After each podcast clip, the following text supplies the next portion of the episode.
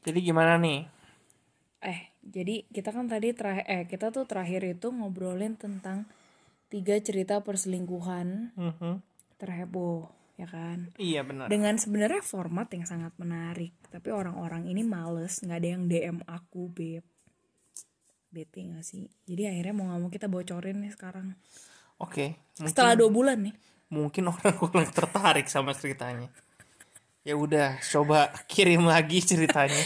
Jangan. ya oke. ya udah ya udah jadi eh, pokoknya ada tiga cerita dan cerita paling seru itu yang kita suruh untuk eh, kalian tuh submit twist dan endingnya itu adalah seperti ini Jadi ternyata bertahun-tahun 430 mau badai Senin sampai Minggu oh, keluar rajin itu ke rumah bini muda. Rajin banget ya pagi. ini cerita klasik tetangga bener.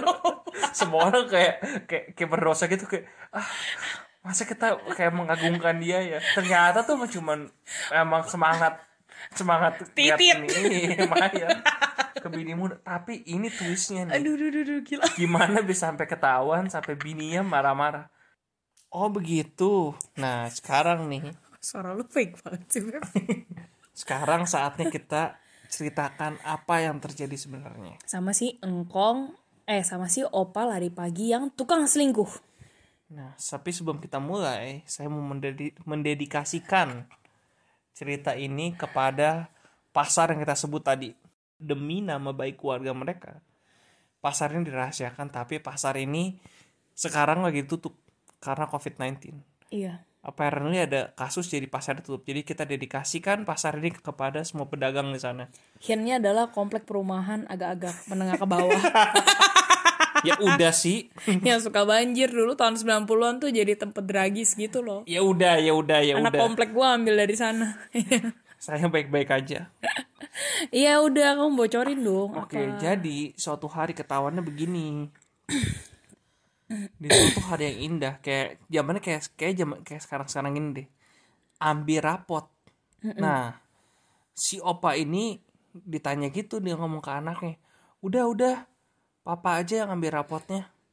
Hah, papa yang ambil rapot kenapa? Udah nggak apa-apa, papa aja. Singkat cerita, opa ini ter- pergi ngambil rapot anaknya di salah satu sekolah lokal di sana.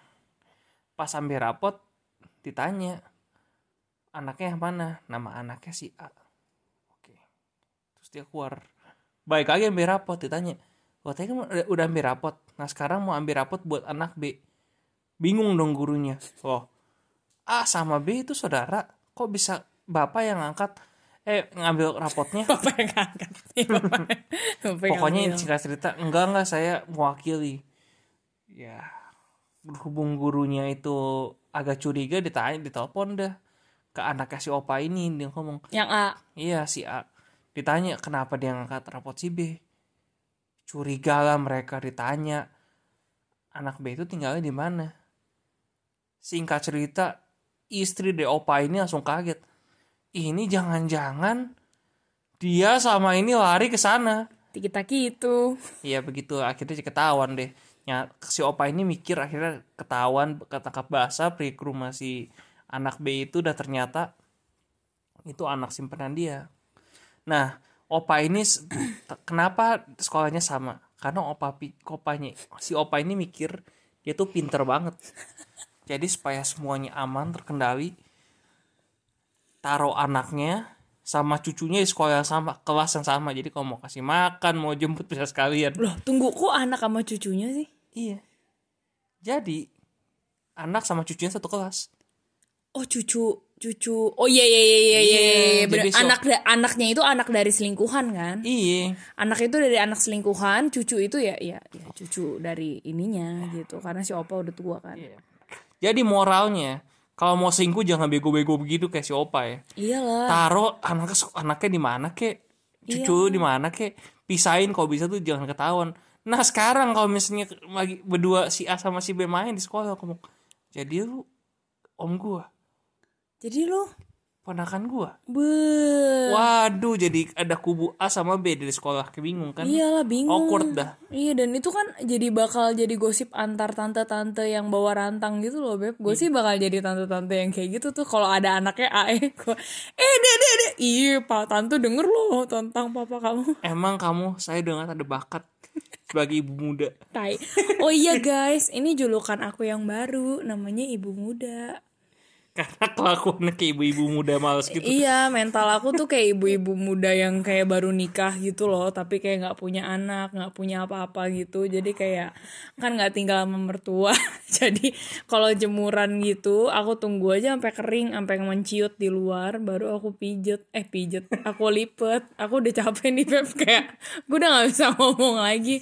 Tapi aku memaksakan untuk konsistensi nge-podcast. Baiklah stay safe ya Ya udah gitu aja kelar. Tapi tunggu biar mereka kayaknya berasa agak berguna dikit ya dengerin ini. Eh, abis ini kita mau rekaman apa Beb? Dan berarti itu jadi akan jadi episode selanjutnya. jadi ceritanya tentang Analisa kita tentang ayah yang manis Sugar Daddy udah. Eh, kita mau ngomongin Indonya tentang Indonya ayah yang manis kan Ye, udah jangan lanjutin. Kayak orang marah. Ntar lagi udah. Udah ya udah ya udah. Pokoknya kita bakal ngomongin tentang sugar daddy. Stay tune and stay safe ya. Bye bitches. Bye